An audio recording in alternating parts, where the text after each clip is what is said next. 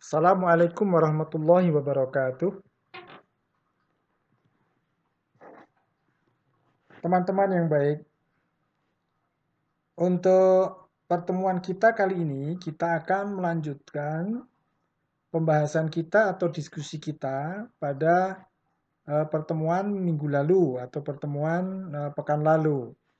Kita kemarin sudah mendiskusikan ya tentang bagaimana hubungan manusia dengan agama dalam hal ini adalah agama Islam.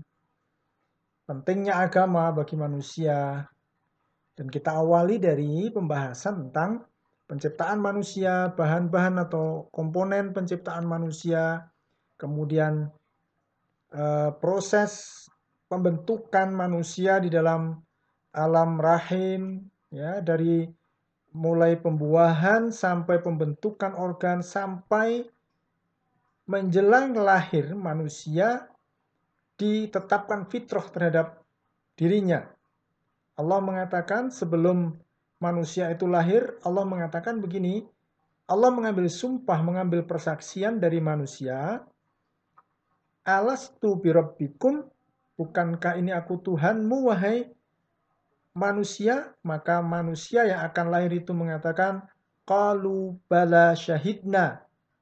Betul ya Allah, engkaulah Tuhan kami. Nah ini pernyataan manusia sebelum lahir seperti kita juga, kita dulu juga menyatakan ini, tetapi mungkin kita tidak ingat ya. Tidak ingat kita akan menyatakan seperti itu. Nah inilah fungsi Nabi, fungsi Al-Quran diturunkan untuk mengingatkan kita peristiwa-peristiwa yang lalu. Nah, itulah yang disebut dengan fitrah. Nah, fitrah. Fitrah berarti suci. Suci berarti kita hanya mengabdi kepada Allah. Tidak ada penghambaan lain kepada Allah. Maka bayi lahir selalu suci. Islam mengajarkan bayi yang terlahir itu selalu suci dalam arti dia ya, bertuhan kepada Allah. Dia sebagai orang yang tunduk kepada Allah yang oleh Allah disebut dengan muslim. Gitu ya. Maka dalam Islam bayi terlahir itu suci dan dia dalam kondisi iman dan Islam kepada Allah. Ya kullu mauludin yuladu alal fitrah. Setiap manusia yang dilahirkan maka kondisinya fitrah suci. Hanya bertuhan kepada Allah. Gitu.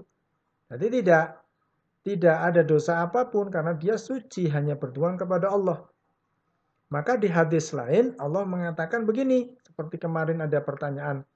Kalau manusia itu terlahir fitrah, suci, berislam, tapi kenapa kok kemudian hari ada yang beragama Yahudi, Nasrani, dan Majusi, dan lain sebagainya? Allah mengatakan begini, eh, Rasul mengatakan begini dalam hadisnya, ya, kullu mauludin yuladu alal fitrah. Setiap bayi yang terlahir itu kondisinya selalu fitrah. Fitrah itu adalah berislam karena dia sudah bersaksi tidak ada Tuhan selain Allah sebelum dilahirkan.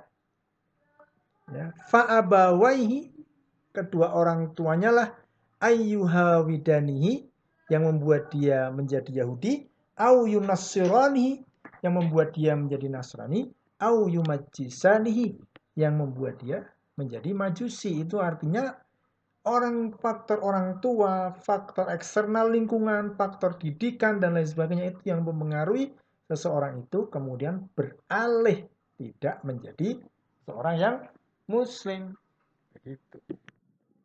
Nah, jadi uh, penjelasannya seperti itu. Jadi ketika bayi lahir ya Islam. Kalaupun nanti dalam perkembangannya itu kemudian uh, seseorang itu menjadi tidak muslim itu berarti faktor ya didikan orang tua atau faktor eksternal yang melatar belakangnya. Tetapi ya itu kemudian yang dianggap atau yang dilabelkan oleh Allah sebagai yang sudah keluar dari rel yang sebenarnya yang dititahkan oleh Allah ya seorang manusia adalah muslim. Dan itu dari dahulu ya. Nih, jadi seperti itu. Nah, pada hari ini Setelah manusia itu lahir, ya kemarin sudah kita jelaskan. Pada hari ini nanti kita akan membahas kerangka dasar Islam. Ini kelanjutan dari yang kemarin. Kita sudah menjelaskan bahwa uh, manusia lahir butuh Islam karena dia sudah fitrah maka dia butuh aturan itu. Diingatkan oleh Allah, kirimkan wahyu, kirimkan nabi untuk mengingatkan itu. Nah, di antara aturan-aturan yang ada dan itulah Islam. Karena dia sudah Islam dari lahir, maka aturannya pun aturan yang berasal dari Allah, yaitu aturan Islam. Nah, sekarang kita akan masuk kerangka dasar di dalam agama Islam itu seperti apa kan kita jelaskan. Sekarang kita masuk ke eh, penjelasan tentang Islam itu sendiri. Penjelasan tentang Islam itu sendiri. Islam itu apa? Begitu akhirnya kan. Secara bahasa, pengertian Islam itu berasal dari bahasa Arab. Ya. Dari kata salima, silmun, salamun, salmun, salamah, dan sebagainya. Tapi intinya kata sin lm, sin lamim. Intinya di situ. Artinya apa itu artinya? Arti Islam atau salam atau silm atau salm atau salamah itu artinya sejahtera, suci, damai, ya, selamat, berserah diri secara total kepada Allah Subhanahu wa taala. Itu arti secara bahasa. Kemudian arti secara istilah Islam itu apa? Berarti Islam itu adalah aturan dan kaidah hidup yang diturunkan Allah kepada manusia melalui para nabi. Dari nabi yang pertama dan ditutup dengan Nabiullah Muhammad Shallallahu Alaihi Wasallam. Jadi aturan yang diturunkan oleh Allah sejak nabi pertama sampai nabi terakhir yaitu Rasulullah itu namanya Islam. Gitu ya. Jadi Islam.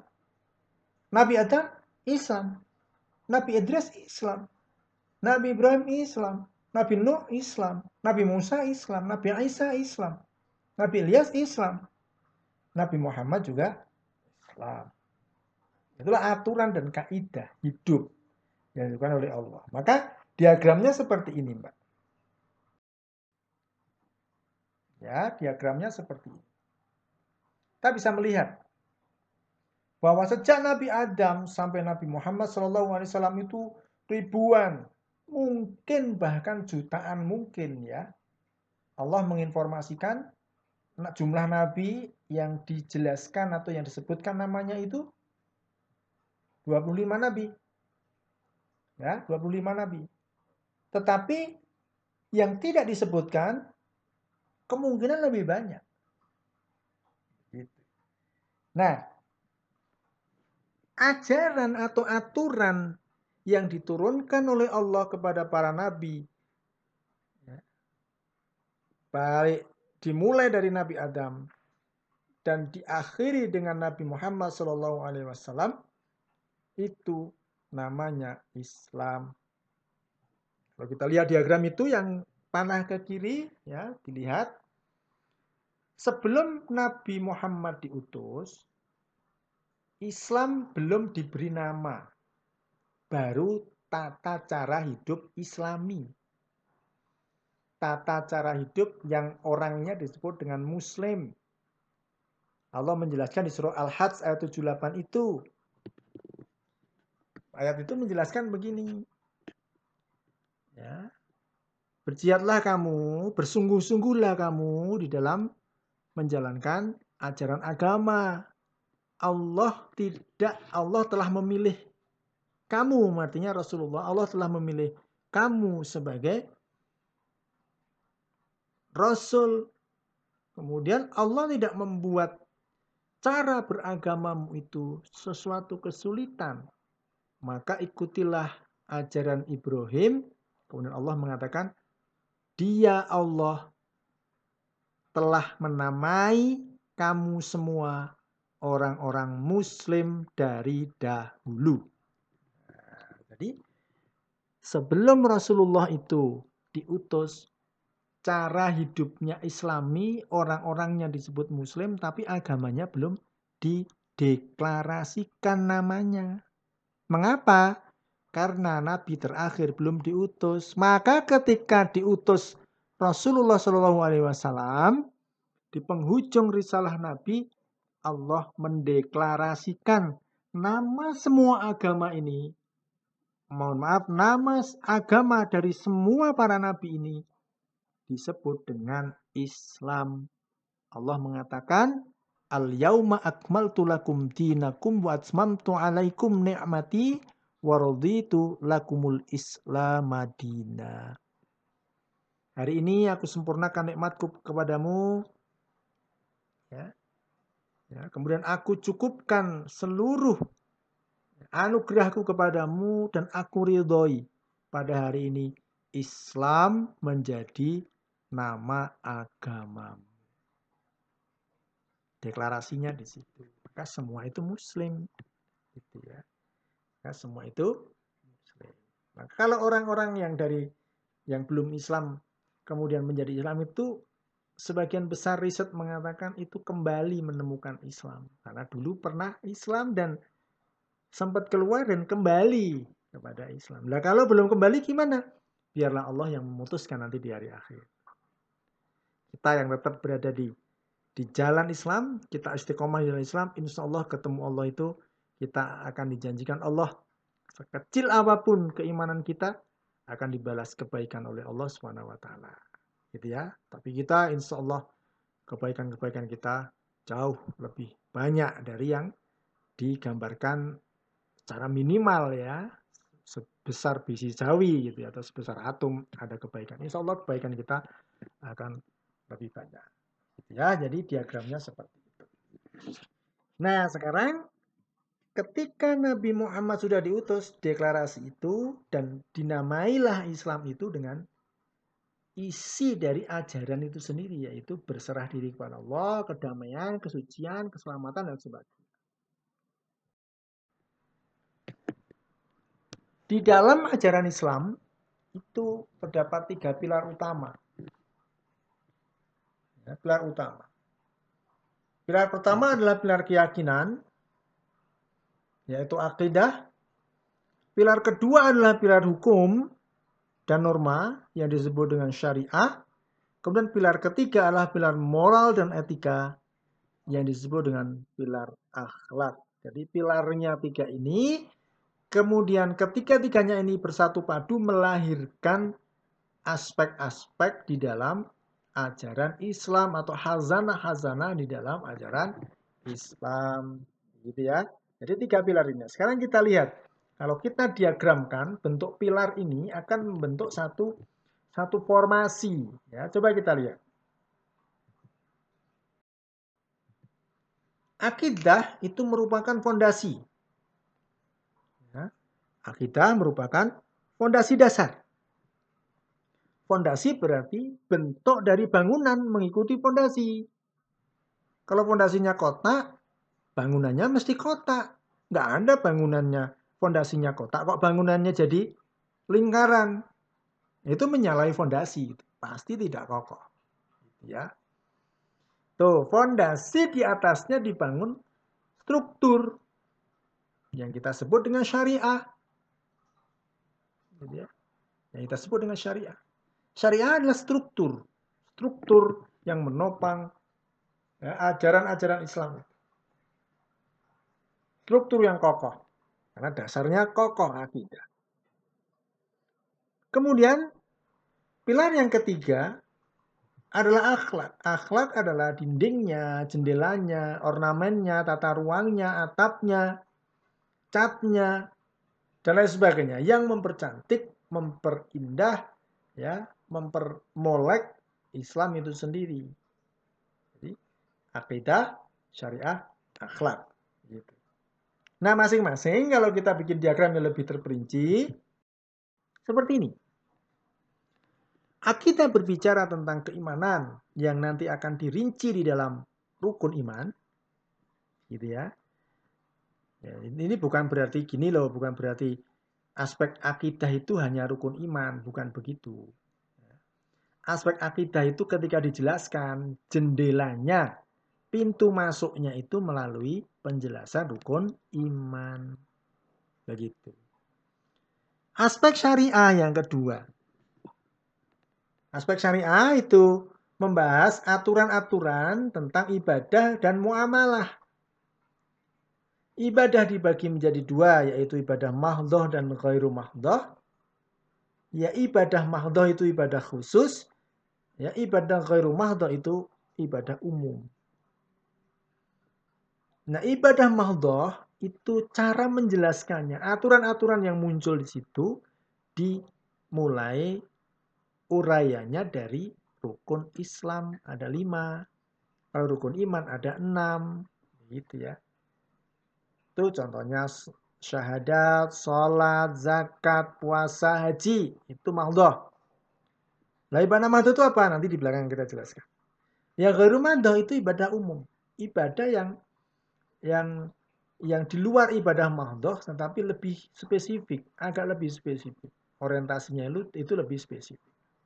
Kemudian di samping ibadah ada muamalah. Muamalah berarti ibadah secara luas yang menyangkut interaksi sosial kemasyarakatan. Itu kita bagi ada tiga, meskipun tidak hanya tiga ya, masih banyak, tidak hanya tiga. Ya ada iktisodiyah itu ekonomi, jinaya wasiasa itu adalah uh, hukum dan politik, kemudian hukum keluarga, lingkungan, pendidikan dan sebagainya. Masih banyak sekali yang itu terkait dengan interaksi sosial kemasyarakatan. Pilar ketiga adalah akhlak. Ya. Akhlak itu terkait dengan etika atau perilaku. Norma, aturan yang terkait dengan etika atau perilaku. Baik etika itu kepada Allah, baik etika itu kepada manusia, baik etika itu kepada alam semesta. Jadi aturan-aturan yang terkait itu itu masuk ke dalam pilar yang ketiga yaitu aturan-aturan, ya, tata krama, bagaimana kita berinteraksi dengan Allah dan manusia dan alam semesta. Nah, khusus interaksi kepada Allah, ya, khusus interaksi pada, mohon maaf, khusus interaksi kepada manusia, itu ada tiga kelompok. Kelompok yang pertama itu interaksi atau aturan yang terkait dengan diri sendiri. Jadi relasi dengan diri sendiri. Yang kedua dengan orang lain. Orang lain itu berarti di luar diri sendiri. Kemudian yang ketiga itu dengan orang tua. Nah, aturan-aturan ini ini dalam ajaran Islam masuk dalam penjelasan tentang akhlak, gitu ya. Jadi aturan-aturan itu sudah menjadi pilar dalam ajaran Islam itu sendiri. Baik, ini uh, penjelasan mengenai diagram bagaimana isi dalam Islam itu. Sekarang kita lanjutkan. Nah, kita lanjutkan. Pilar yang pertama, Pilar yang pertama, ya, ini menyangkut tentang akidah. Tadi sudah saya jelaskan, membahas iman kepada Allah, iman kepada malaikat, iman kepada kitab-kitab, iman kepada para rasul, iman kepada hari akhir, iman kepada kodok dan kodar. Ya, kalau kepada Allah jelas jadi kita meyakini Allah satu-satunya Tuhan, satu-satunya sesembahan, satu-satunya penguasa alam semesta ini. Hukum-hukumnya kita taat. Nah, konsekuensi iman kepada Allah adalah kita meyakini ada malaikat utusan Allah. Allah menciptakan malaikat. Gitu ya. Allah menciptakan malaikat sebagai utusan, sebagai zat yang atau makhluk yang diperintah oleh Allah untuk mengurusi bidang-bidang tertentu. Kemudian iman kepada kitab. Iman kepada kitab berarti kita meyakini ada kitab-kitab yang diturunkan oleh Allah kepada manusia, kepada Rasulullah, kepada manusia. Ya. Ya, di dalam Islam ya, dalam Al-Qur'an dijelaskan para nabi itu diberi kitab. Tapi yang namanya kitab atau nama kitab yang dijelaskan kepada nabi adalah empat. Al-Quran kepada Nabi Muhammad, Injil kepada Nabi Isa, Taurat kepada Nabi Musa, dan Zabur kepada Nabi Dawud. Sementara nabi-nabi yang lain dijelaskan punya kitab, cuman Allah tidak memberitahu atau tidak menginformasikan nama-nama kitab itu. Yang ketiga iman pada para rasul bahwa ada keterkaitan, pertalian, persambungan antara nabi satu dengan nabi lain. Persambungan ajarannya ada di situ. Dan kita wajib mengimani itu. Kemudian iman kepada hari akhir. Kita meyakini bahwa setelah kehidupan dunia ini ada kehidupan lain yaitu yang disebut dengan hari akhir. Hari akhir berarti hari yang di situ ya, tidak ada tidak ada batas waktunya. Ya, tidak ada batas waktu. Pembalasan. Yang dimulai dari kiamat hancurnya alam semesta, kemudian dilanjutkan dengan kumpulkan di situ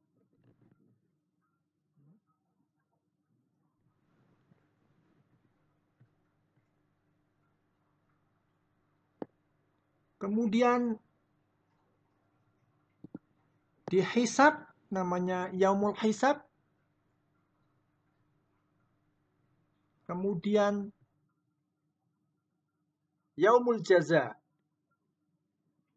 Dibalas amal perbuatannya.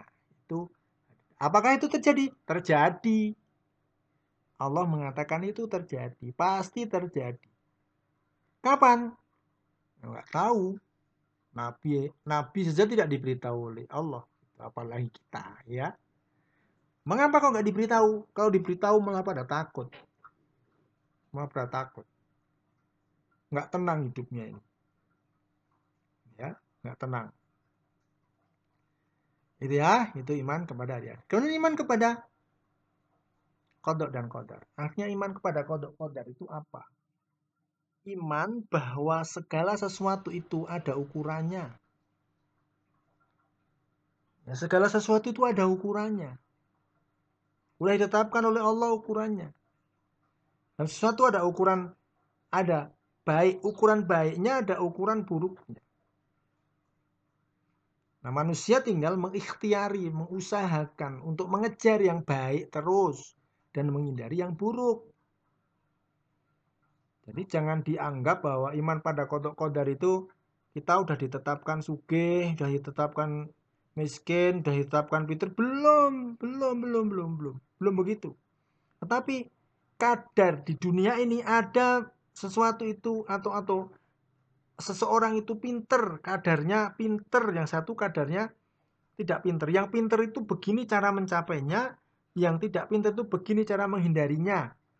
Nah, kita manusia berupaya mengejar yang baik-baik itu. Gitu. Semua itu ada kadar, ada ukuran-ukurannya. Ini ya, ini iman kepada akidah atau keyakinan pilar yang pertama tadi. Kita lanjut. Sekarang pilar yang kedua yaitu norma atau hukum yang disebut dengan syariah itu ada dua. Tadi sudah kita sebutkan ada ibadah ibadah mahdoh dan muamalah. Ibadah mahdoh dan muamalah. Apa itu? Ibadah mahdoh itu ibadah yang waktu pelaksanaannya, tempat pelaksanaannya, tata cara pelaksanaannya telah ditetapkan oleh Allah secara permanen. Ya, ditetapkan oleh Allah dan Rasulullah secara permanen. Tidak bisa diubah-ubah. Ya sudah seperti itu. Itu sudah zaman dulu Nabi di, di apa diutus oleh Allah, kemudian Nabi menjelaskannya kepada umatnya seperti itu. Ya sudah seperti itu, nggak bisa diubah-ubah. Itu namanya ibadah mah mahdoh. Nah, apa mahdoh itu? Syahadat, sholat, zakat, puasa, haji. Itu tata caranya nggak bisa diubah-ubah. Ya, tata caranya yang ditetapkan Allah nggak bisa diubah-ubah. Tetapi uh, sarana prasarana prasarananya bisa diubah. Misalnya dulu Nabi berangkat pakai unta, kita nggak pakai unta tapi pakai pesawat. Ya, kalau kita dari Indonesia pakai unta, ya, berangkatnya eh, habis haji tahun ini berangkat sampai haji tahun depan kita belum sampai pakai unta, kalau nyebrangnya segoro ya piye gitu kan sulit juga toh. Nah, makanya pakai pesawat itu bukan bukan bukan tata cara ritualnya, tetapi prasarana untuk mencapai ke sana. Gitu ya. Itu ibadah mahdoh. Kemudian ibadah ghairu mahdoh itu poin-poin umumnya. Poin-poin umum yang ditetapkan oleh Allah. Pokok-pokoknya saja. Tapi tata caranya seperti apa, ritual, bacaannya, dan macam-macamnya itu belum ditetapkan oleh Allah secara permanen. Belum. Sebenarnya menuntut ilmu, tolabul ilmi. Menuntut ilmunya itu di ajarkan oleh Allah. Tetapi cara menuntut ilmunya itu diserahkan kepada manusia. Ada yang homeschooling, ada yang otodidak, ada yang sekolah formal, ada yang separuh formal, separuh informal, begitu ya. Itu tata cara. Sodakoh misalnya. Sodakohnya diajarkan, tetapi jumlahnya nggak ditentukan. Caranya ya nggak ditentukan. Yang penting ada keikhlasan dan lain sebagainya. Ya itu ibadah makdo dan ghairu makdo. Kemudian muamalah. Muamalah adalah ibadah dalam arti umum dan ini terkait dengan interaksi manusia satu dengan manusia lainnya. Itu aturan yang ditetapkan Allah hanya aturan yang sifatnya sangat pokok betul. Ya yang sangat pokok betul. Ya, sarana prasarananya, tata caranya dan lain-lain sebagainya itu manusia yang membuat, yang menentukan manusia misalnya pernikahan. Pernikahan itu yang diatur pokok-pokoknya. Baik, sekarang pilar yang ketiga. Ya, pilar yang ketiga adalah aspek etika. Yang kita sebutkan ada akhlak pada Allah, ada akhlak pada sesama manusia, ada akhlak pada alam, hewan, tumbuhan, dan lingkungan sebagainya. Ya, baik. Sekarang kita masuk. Inilah pilar-pilar ajaran Islam atau pilar-pilar yang ada dalam ajaran Islam aspek akidah atau keyakinan, aspek syariah atau aturan atau norma hukum, dan aspek etika atau moral itu aturan perilaku atau yang disebut dengan akhlak. Ya. Nih, jadi ada aturan pada Allah, pada manusia. Tadi sudah saya jelaskan, uh, sehingga ini tidak akan saya ulang kembali. Ya, tidak akan saya ulang kembali. Baik, sekarang kita lanjutkan. Uh, kalau kita diagramkan kalau kita bikin diagram, semua ini tadi sudah kita jelaskan, ya. Jadinya seperti ini, kita sudah kita jelaskan. Ada fondasinya adalah akidah, pilarnya, strukturnya adalah syariah, penghias keindahannya adalah akhlak. Baik, sekarang kita lanjutkan ke lebih mendetail dari isi ini semuanya. Fungsi akidah. Ya, fungsi akidah. Fungsi akidah yang pertama adalah pondasi, pondasi dasar dari keseluruhan ajaran Islam. Pondasi berarti melandasi, mendasari ajaran Islam. Yang kedua, penuntun.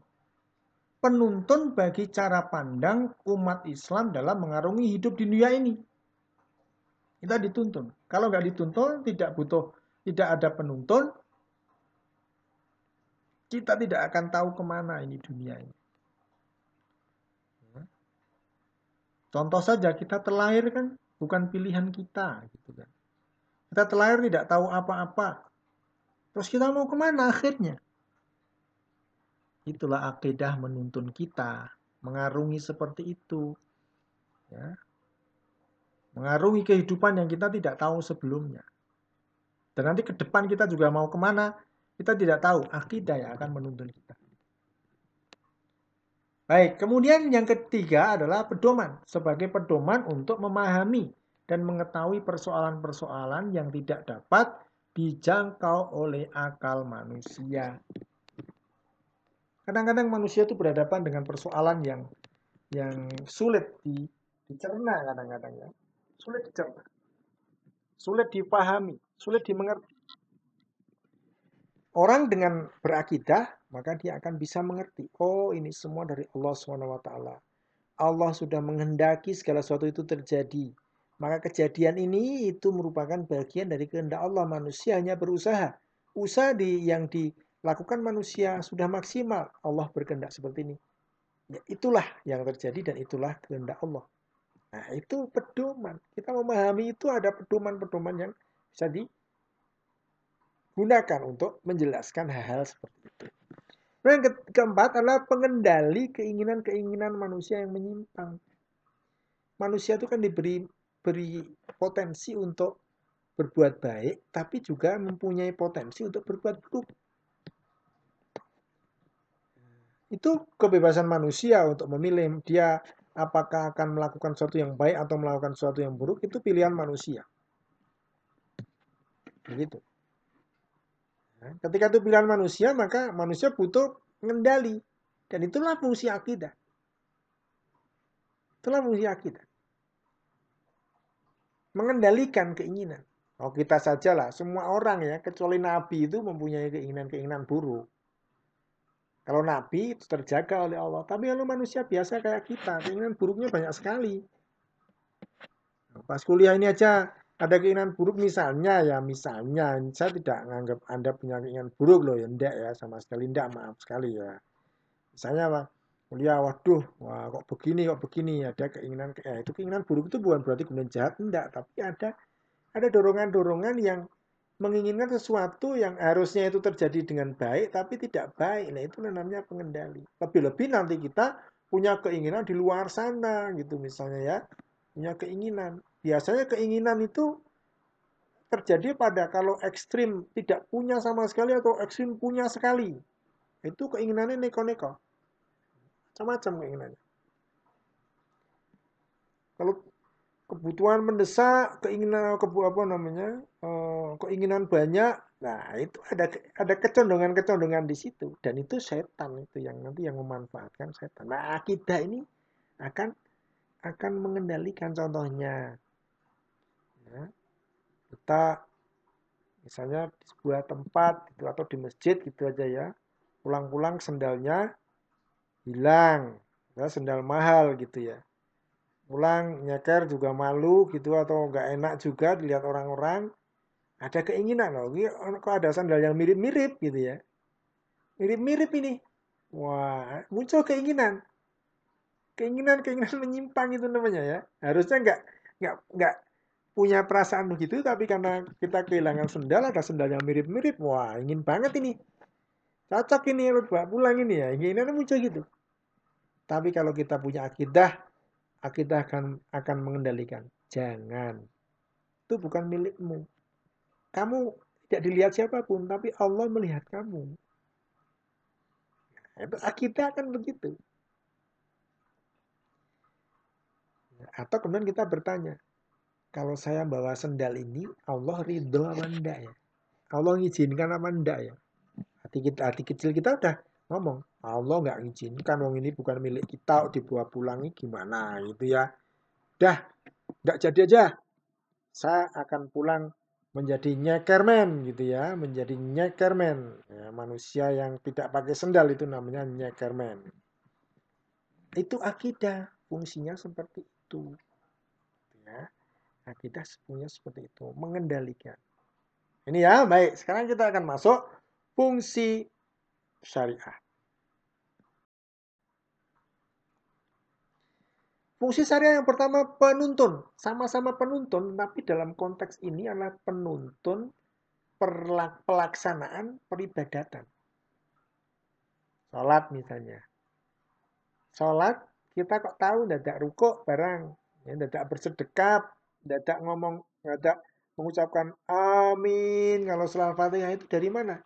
Syariat yang nuntunkan gitu loh. Jadi ada urut-urutan tuntunan syariat yang kita tinggal ngikuti. Itu namanya menuntun. Dan sebagai orang yang akidahnya kuat, kita hanya mencukupkan diri penuntunnya itu ya Nabi.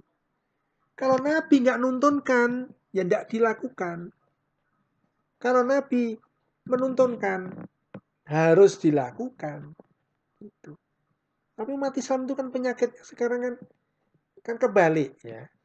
Islam men menuntunkan dalam hal kehidupan dunia, dalam hal kehidupan kemasyarakatan, silakan berinovasi, berkreativitas sebanyak-banyaknya sepanjang tidak bertentangan dengan ajaran.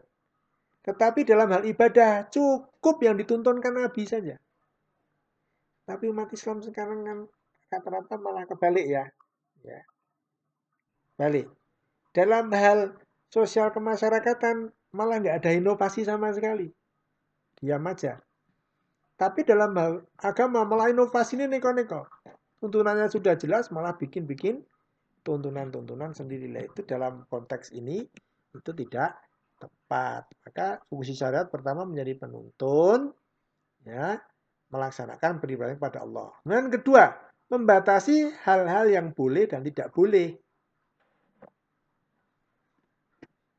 Contohnya dalam hal makanan yang boleh apa, yang nggak boleh apa. Yang dilihat yang nggak boleh dulu. Yang nggak boleh apa? Yang nggak boleh satu, daging babi haram, itu nggak boleh. Darah, dideh ya, saren itu juga nggak boleh itu haram. Tiga, sembelihan atau hewan yang disembelih tidak menyebut nama Allah. Jadi malah guyon kayak langsung boleh lekak gitu ya. Nah, itu haram dia. Atau sembelihan yang ditujukan untuk selain Allah. Kambing, ya, gemuk, tetapi niatnya kambing ini saya sembelih ditujukan untuk berhala yang ada di pojokan kampung sana simbah yang ada di kampung sana, yang nunggu kampung sana, nah, ini nggak boleh dimakan. Itu syariat. Ya, syariat. Ada ketambahan dari Nabi. Ada yang uh, hewan yang yang apa namanya buas, hewan yang berbahaya, hewan yang sangat menjijikkan, yang berpenyakit misalnya itu tambah dari Nabi. Yang memabukkan itu tambahan dari yang merusak itu itu tambahan hadis ya dari aturan Rasulullah itu membatasi namanya. Berarti selain yang disebutkan yang tidak boleh, boleh semua. Lontong atau angkringan, onde-onde gitu ya. Kemudian geplak ya, kemudian pempek ya, itu boleh semua ya sepanjang proses dan alat-alat bahan-bahannya itu tidak melanggar syariat itu boleh. Itu dalam hal itu contoh dalam hal makanan, belum nanti yang contoh-contoh dalam hal yang lain-lainnya. Gitu ya. Baik. Kemudian yang ketiga memberi gambaran dan penjelasan tentang hukuman dan pahala. Kalau kamu melaksanakan ini, pahalanya ini. Kalau kamu melaksanakan ini, ya melaksanakan perbuatan dosa, ini ganjarannya. Ini hukumannya. Itu, itu syariat. Yang keempat, menunjukkan hak dan kewajiban manusia pada Allah kita kepada Allah itu kewajibannya ini, ini, ini, ini. Hak kita ini. Kita kepada manusia itu kewajibannya ini, ini, ini, hak kita ini. Kita kepada alam semesta itu kewajibannya ini, ini. Itu tuntunan-tuntunan atau hak dan kewajiban atas subjek-subjek yang berada di luar kita itu fungsi syariat. Gitu ya. Baik, sekarang kita lanjutkan fungsi akhlak. Pertama, fungsi akhlak sebagai pedoman untuk mengetahui yang baik dan buruk, yang pantas dan tidak pantas. Syariat tadi untuk menunjukkan atau pedoman yang boleh dan nggak boleh. Yang halal dan haram. Tetapi kalau dalam akhlak itu boleh, tapi kadang-kadang nggak pantas. Gitu ya. Boleh, tapi kadang-kadang buruk. Contoh. Contoh yang paling sederhana aja lah ya. ya. Misalnya, maaf ya, saya sebutkan misalnya upil. Ya. Upil tuh boleh enggak? Boleh. Tidak ada yang melarang. Tentang upil juga nggak dosa gitu ya. Nggak dosa sama sekali. Boleh, Islam sangat membolehkan. Tetapi kalau peristiwanya itu ketika kita sedang berbicara dengan orang yang yang kita misalnya hormati misalnya dengan orang tua, misalnya dengan guru, dengan dosen, dengan pimpinan ya. Ya. Orang-orang yang sangat yang yang kita hormati dalam arti semua orang memang kita hormati dalam konteks ini adalah orang-orang yang memang ada sikap khusus kepada beliau-beliau ini. Nah, kita sedang ngobrol tiba-tiba jari ini meluncur begitu saja ya ke lubang hidung langsung kuncuk kuncuk kuncuk kuncuk gitu ya. Itu akhlak akan menunjukkan kayak gitu itu nggak baik nggak nggak baik gitu ya. nggak pantas. Atau contoh lain. Apa ya? Bahasa Indonesia nya tuh apa saya nggak tahu. Kue kue kuku gitu loh ya. Kue kue kuku itu. Jadi kuku itu di di colek di apa di kue kue gitu ya. Dia di dikorek korek kuku itu kita ngorek-ngorek kuku itu tidak masalah. Tapi kalau kita sedang ngobrol dengan berbicara dengan orang-orang yang terhormat, kok kita kue-kue kuku, ah, itu nggak wajar. Itu namanya dalam bahasa Islam namanya etiket atau akhlak. Itu pedomannya seperti itu. Ya. Tuh, kemudian yang berikutnya. Sebagai perhiasan bagi perilaku. Perilaku akan semakin elok, indah dengan akhlak. Contohnya, kita berjalan di hadapan orang, berjalan biasa aja kan bisa. Bisa, tidak masalah. Tapi dengan akhlak, kita sedikit menundukkan, ya kan? Kemudian kita melempar senyuman sedikit, sambil ada ucapan permisi pak, permisi bu, permisi kak, permisi om, permisi, dan sebagainya. Itu akan indah itu jalan yang tadinya itu yang hanya biasa aja sambil menundukkan sedikit sambil kita tersenyum ya kita mengucapkan permisi pak. Jalan itu menjadi indah. Dihiasi lah. Gitu ya. Kemudian yang ketiga sebagai tuntunan untuk melakukan hal yang sangat diridhoi oleh Allah dan menjauhi hal yang tidak disukai oleh Allah. Akhlak kita akan tahu Allah itu ridho terhadap orang-orang yang membiasakan diri melakukan hal-hal yang kecil dan itu ihsan namanya. Ihsan, hal-hal yang kecil tetapi istiqomah yang kita melakukan. Itu sangat diridhoi oleh Allah. Dan dari hal kecil itu akan menumpuk menjadi yang besar sekali. Maka akhlak akan ke situ lari. Keempat, sebagai standar perilaku dan karakter manusia. Jadi orang yang yang fungsi akhlak ini, kalau orang seseorang yang dia akan dinilai baik atau buruk itu dilihat dari perilakunya. Jadi akhlak itu sesuatu yang muncul spontan dan itu dibentuk oleh akidah tadi. Spontan. Tidak usah dipikir yang namanya akhlak itu. Ada kotoran di tengah jalan, misalnya kita di koridor kampus, ya di orang kampus ada puntung rokok atau bungkus uh, beng-beng atau apalah bungkus makanan-makanan gitu atau pisang bungkus pisang. Spontan kita jalan langsung diambil pungut masukkan tempat sampah. Itu mulia berarti kan buruk uh, baik.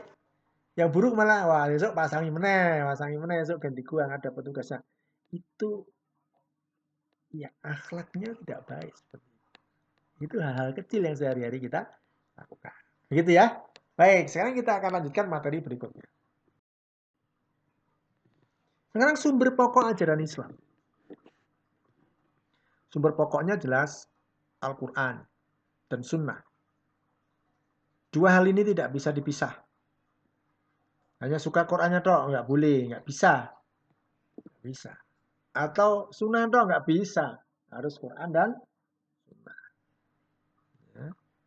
Nah, cara menggunakannya dengan ijtihad ijtihad itu menggunakan potensi akal gunakan itu gitu.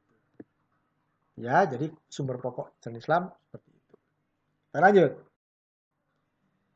misi pokok ajaran Islam rahmatan lil alamin berarti apa ya, menebarkan rahmat kedamaian kepada siapa pun apa pun misi Islam di situ. Maka kok Islam kok membuat tidak damai Islam kok membuat kekerasan? Nah itu dia menyalahi kodrat Islam. Itu menyalahi kodrat Islam. Inilah misi pokok ajaran Islam. Nah, kita lanjutkan ya. Sekarang hazanah ilmu di dalam Islam. Islam mewariskan hazanah ilmu pengetahuan ya yang pertama hukum-hukum Islam atau fikih. Yang kedua kalam atau ilmu tentang ketauhidan ketuhanan. Filsafat ilmu untuk menyelami kebijaksanaan dalam sesuatu hal gitu ya. Tasawuf ilmu yang yang apa namanya mengasah kedalaman hati penghayatan secara rohani. Itu tasawuf. Dan sains adalah ilmu ya yang terkait dengan peng, pengamatan atau pendalaman tentang alam semesta kehidupan sosial dan kemanusiaan. Itu sains. Begitu ya. Nah, terkait dengan ini, maka intelektual Islam atau ilmu pengetahuan dalam Islam itu kurang lebih seperti ini dan dicetak kuning itu Anda akan menjelaskan atau Anda akan masuk ke salah satu hazanah ilmu pengetahuan dalam Islam. Nah, oleh karena itu, tekun kita mempelajari sebuah ilmu karena hakikatnya kita mempelajari ilmu-ilmu Islam. Nah, begitulah teman-teman semuanya pilar pilar atau kerangka dasar ajaran Islam untuk nanti satu persatu akan kita akan kita manfaatkan untuk menjelaskan ya supaya kita paham, kita mengerti dan bisa menjelaskan kepada orang lain. Kurang lebih seperti ini dulu kita akhiri. Assalamualaikum warahmatullahi wabarakatuh.